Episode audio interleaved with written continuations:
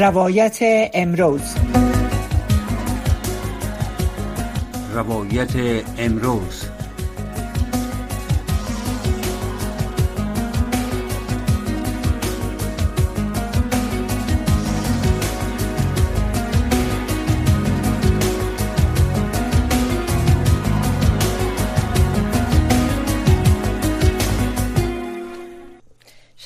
عزیز سلام و برنامه روایت امروز از رادیو آشنا صدای امریکا خوش آمدین.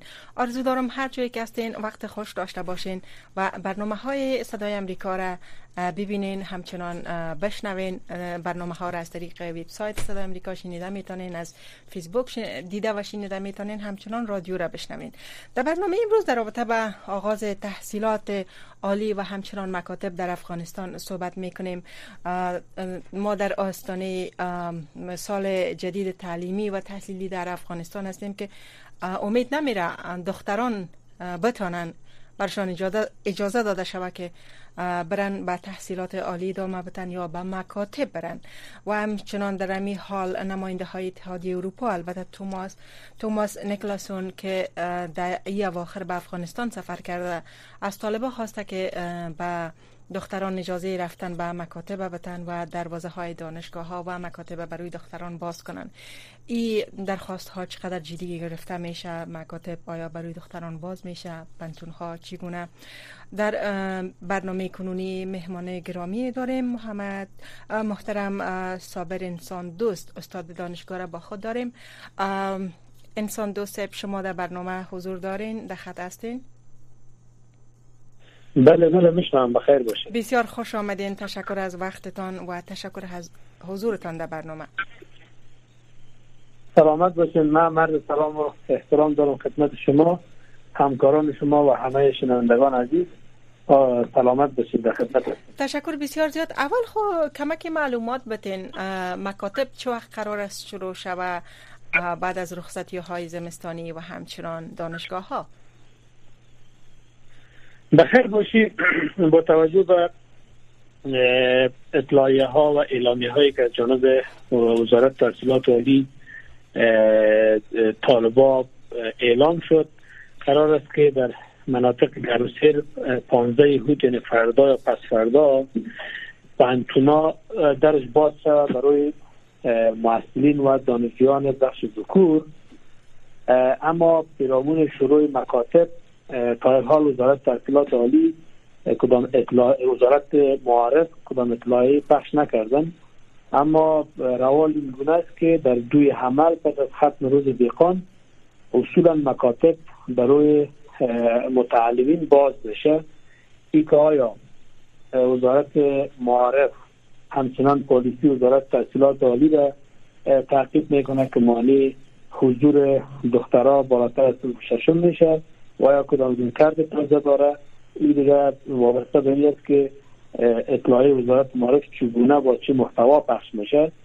اما در حال حاضر آمادگی برای باز شدن پانتون های دولتی در 15 هود برای دانشجویان طبقه ذکور گرفته میشه. در مناطق گرمسیر و همچنان سر مناطق سردسیر پنتون ها و اوایل حمل اول یا دوی حمل آغاز میشه مکاتب دوی حمل آغاز میشه طور معلومات شما. یعنی شما کدام معلومات تازه دریافت کردین که چگونه است دخترها به مکاتب یا به دانشگاه ها حضور خواهند یافت در سال جدید؟ معلوماتی که شما دارین چی است؟ بخیر باشید از که همگی اطلاع داریم.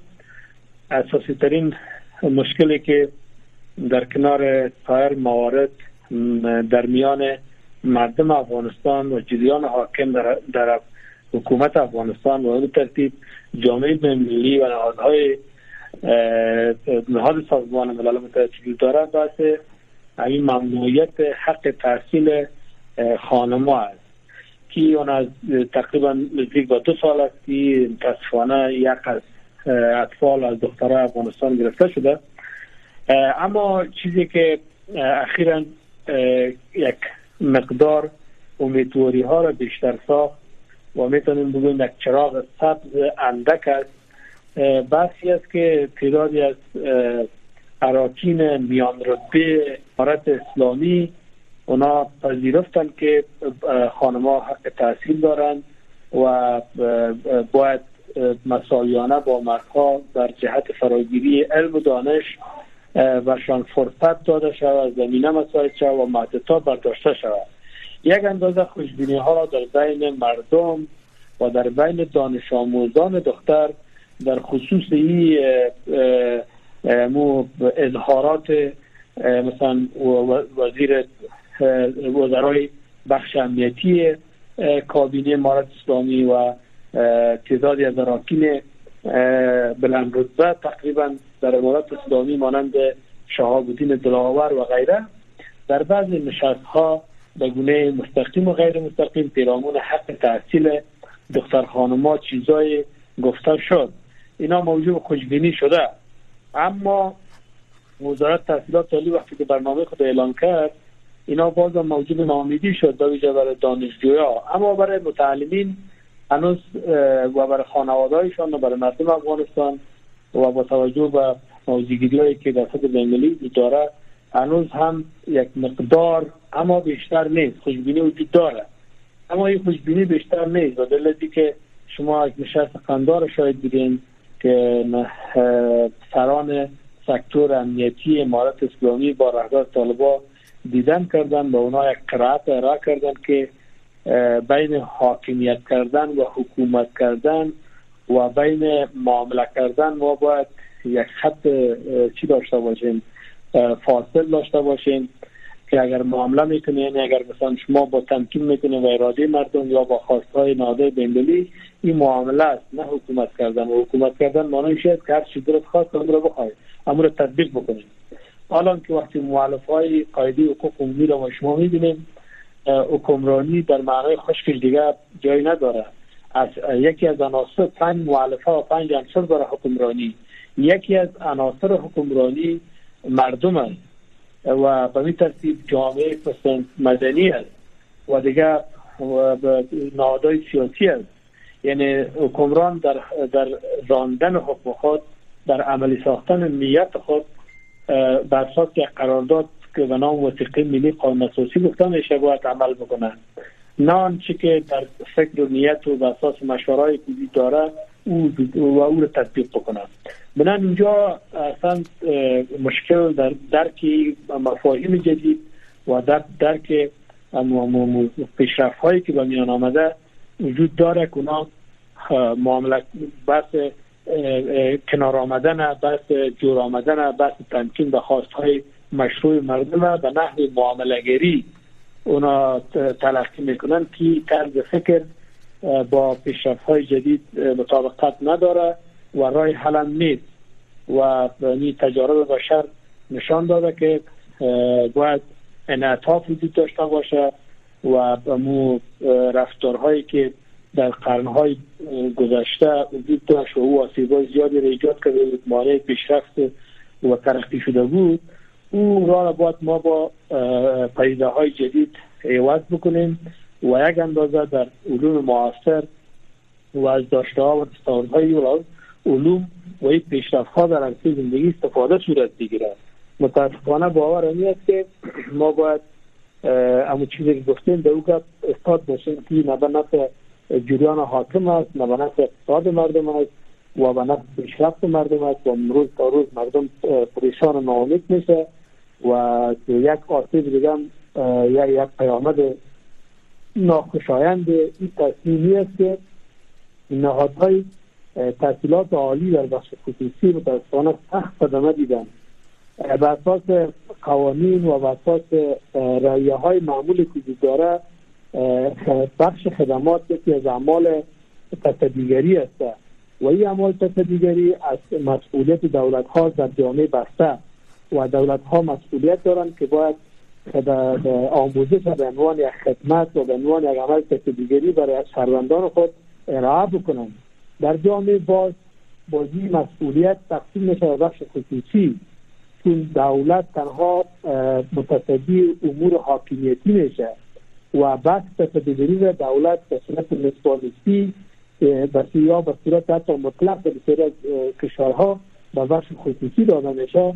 بنان اینا منطق ای و ای موقع تابال دست نشده که اساسا نهاد خصوصی مسئولیت دولت در خصوص تامین حق آموزش کم می‌سازه بنان باید فسایدی ها هم های حمایتی و همچنان قوانین بسیار ساده و قوانینی که جنبه حمایتی داشته باشه باید در خصوص نهادهای خصوصی اعمال شود تنها نقش دولت باید نظارتی باشه. آقای انسان دوست در بخش تحصیلات خصوصی میایم ببخشین گپتان قطع کردم. من می‌خواستم بپرسم که توماس نیکلاسون نماینده ویژه اتحادیه اروپا که در اواخر به افغانستان رفته از مقامات طالبان خواسته که مکاتب برای دخترها باز کنن و همچنان دانشگاه ها را برای دخترها باز کنن مردم افغانستان چی می‌خواه؟ مردم افغانستان با حکومت طالبان در تماس هستند. خواستشان چی است؟ آیا خواسته های خود با این حکومت مطرح کردن اصلا مردم افغانستان فعلا جایگاهشان بیشتر معلوم نیست. به خاطر معلوم نیست. من می‌خوایم آسیر بگم از اینجا بس خود تطعیم بکنم.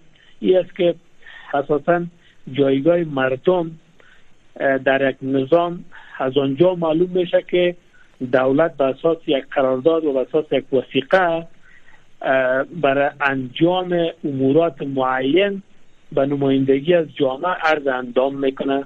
اما آنچنانی که ساختار و چگونگی به تشکل و به وجود آمدن امو جریان حاکم در افغانستان بررسی می‌کنیم از این منطق پیروی نمی‌کنن بنان و از طرفی هم که دیگه امو کانال های ارتباطی یا مجراهای ارتباطی بین ملت و بین دولت و جریان حاکم مثلا امو عذاب می باشه نهادهای سیاسی می باشه به اون ترتیب فعالیت های مدنی می باشه به اون ترتیب آزادی رسانه‌ای می باشه و به اون ترتیب ایجاد برنامه های مشترک می باشه شوراهای مردمی می باشه و و به اون ترتیب آزادی های رفتاری و گفتاری اینا وجود می داشته باشه که دولت این عامل انتقال پیام مردم به جانب حکومت یا به جانب نظام به جانب دولت بشه در همه جلان ها اما متاسفانه مجراها فعلا بند است.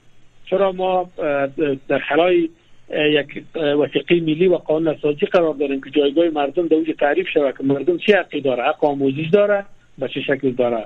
نظام اقتصادیشان به چه شکل است؟ نظام قضاییشان به چه شکل است؟ قانونگذاری به شکل صورت می‌گیره؟ حق سفر مردم در کجا است؟ حریم شخصی مردم چه رقم باید رعایت شود؟ و به می ترتیب مکلفت مردم چه رقم است؟ و نوع نظام ساختار نظام وظایف نظام و قواهایی که در بدن یک نظام قرار در رابطه بین قواها چگونه است و جایگاه و نقش یا چگونه است. بنان اینا چیزایی است که می‌تونن حقوق مردم تأمین بکنن و زمین ساز با وجود آمدن یک فضای مشروع و قبول شده باشه که در پرتو از ارزش ها تحقق پیدا بکنه. اما متاسفانه در حال حاضر شما می‌بینیم که جریان چیزایی که مطرح میشه اینا وجود نداره. به این خاطر است که مردم در حال حاضر خواستشان هیچ جایی را نمی‌گیره چرا مردم به اون نظارت اساسی را که باید در قالب قانون اساسی بر دولت اعمال بکنن وجود نداره و مردم بر مردم هیچ جایگاه وجود نداره فقط مردم فعلا اگر قرار باشه که ارادی مردم در نظر گرفته شود طرفدار حق تحصیل 90 فیصد مردم افغانستان است. و شما دیدین که تعدادی از اساتید با استادا در مناطق جنوبی برخلاف سایر مناطق اونا خواستار بازگشایی مکاتب برای دختران و برای فرزندانشان شدن و استادای پانتون شدن و حتی کتابخانه های سر را اندازی شد در همه مناطق افغانستان.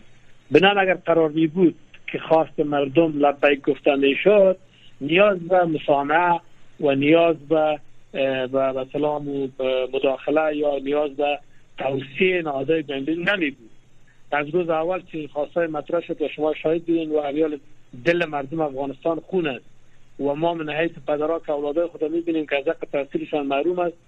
دیگه سختترین لحظه دشوارترین لحظه می لحظه که ما می‌بینیم که اولادای ما از حق تحصیل محروم است و هیچ حقی را ندارند.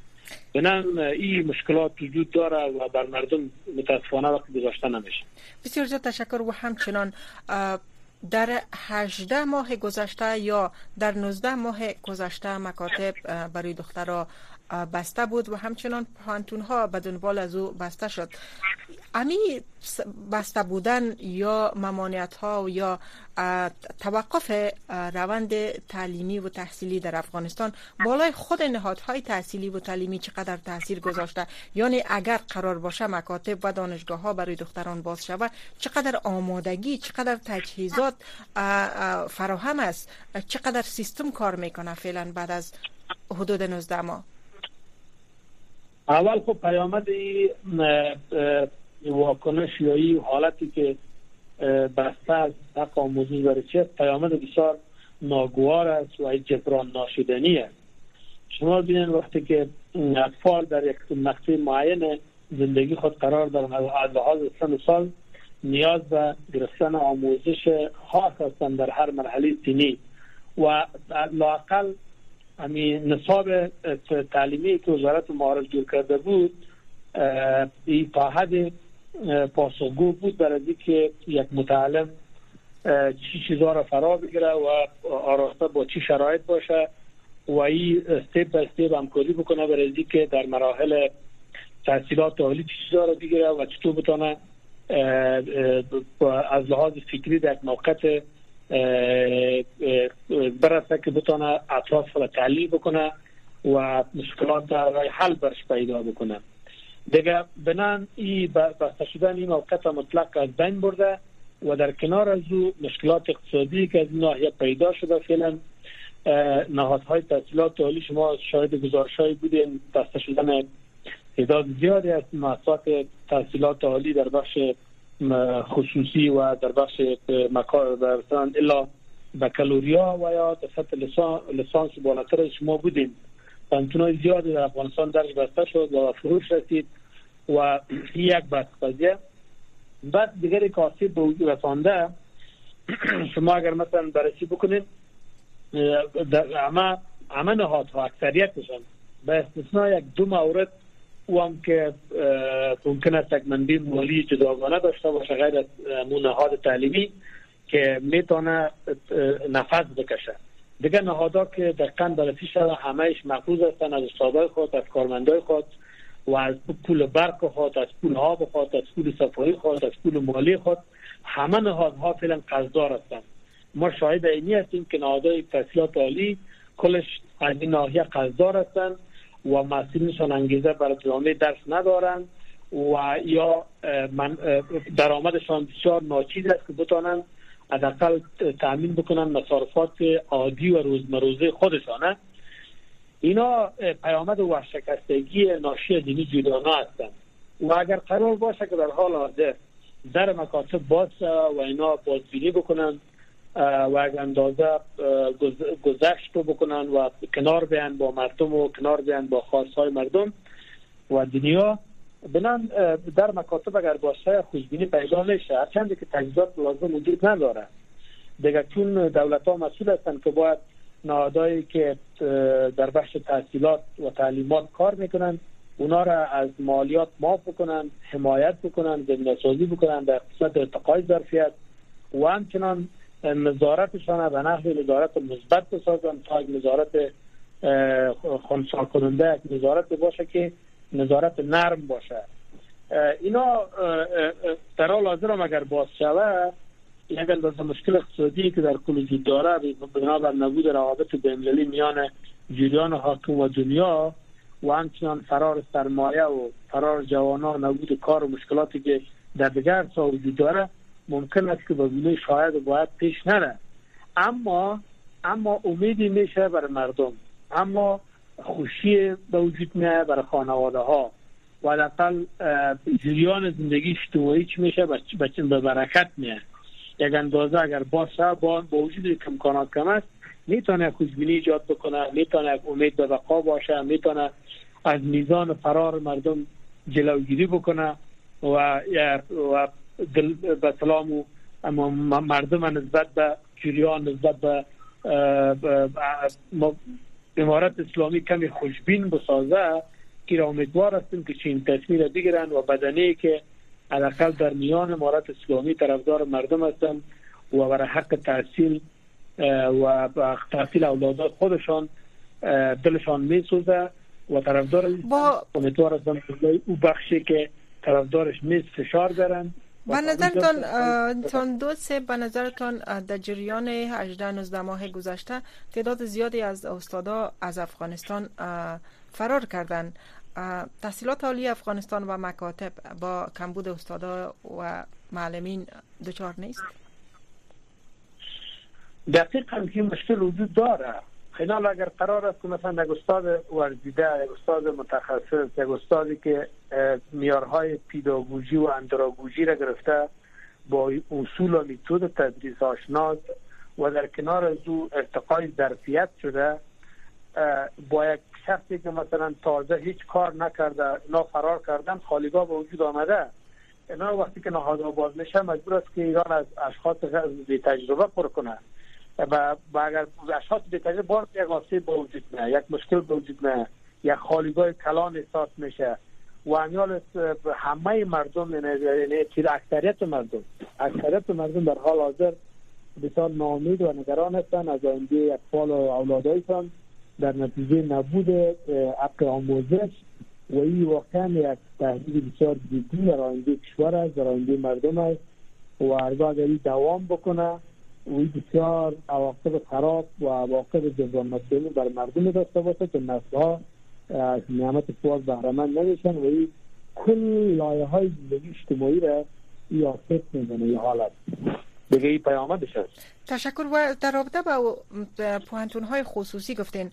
آیا پوانتون های خصوصی به صورت عادی فعالیت هایشان جریان داره دانش آموز دارن در سا جریان داره در سال جدید آغاز میشه به صورت عادی؟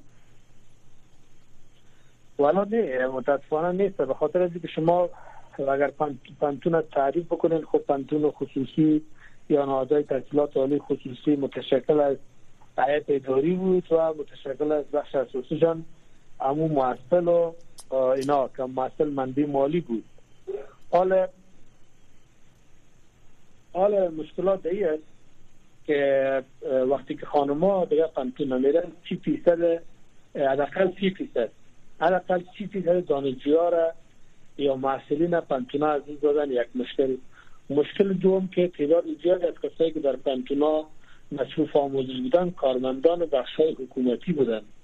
هم در نهادهای دولتی و هم در مؤسسات خارجی و هم به شکل غیر مستقیم یا والدینشان در نهاد نهادهای مختلف دولتی کار می‌کردن لا حمایت می‌کردن و می‌رفتن و تحصیل می‌کردن و حق اونمو fees ما fees میگن به یا هزینه تحصیلی. هزینه تحصیلی از جانب والدینشان پرداخت می‌شد. در حال حاضر همه زمینه ها چرا ما شاهد بودم که 70 فیصد محصلین از جمله کسانی بودن که به شکل مستقیم داخل خدمت در نظام کار می‌کردن و در اوقات شبانه یا اوقات دیگه میمدن دست میخواندن و سی فیصد محصلین کسانی بودن که والدینشان از یه تحصیلشان تامین می‌کردن اینال او کسایی که کارمندای حکومت بودن اونام رفتن خانمان رفتن. بالاخره تنها کسانی که در سرای بالایی مثل سمستر هفت و هشت هستن و اونا دیگه رای بر بلدی ندارن و به هر نحو میگن تحقیب بکنن خلاص بکنن که فارغ شوند.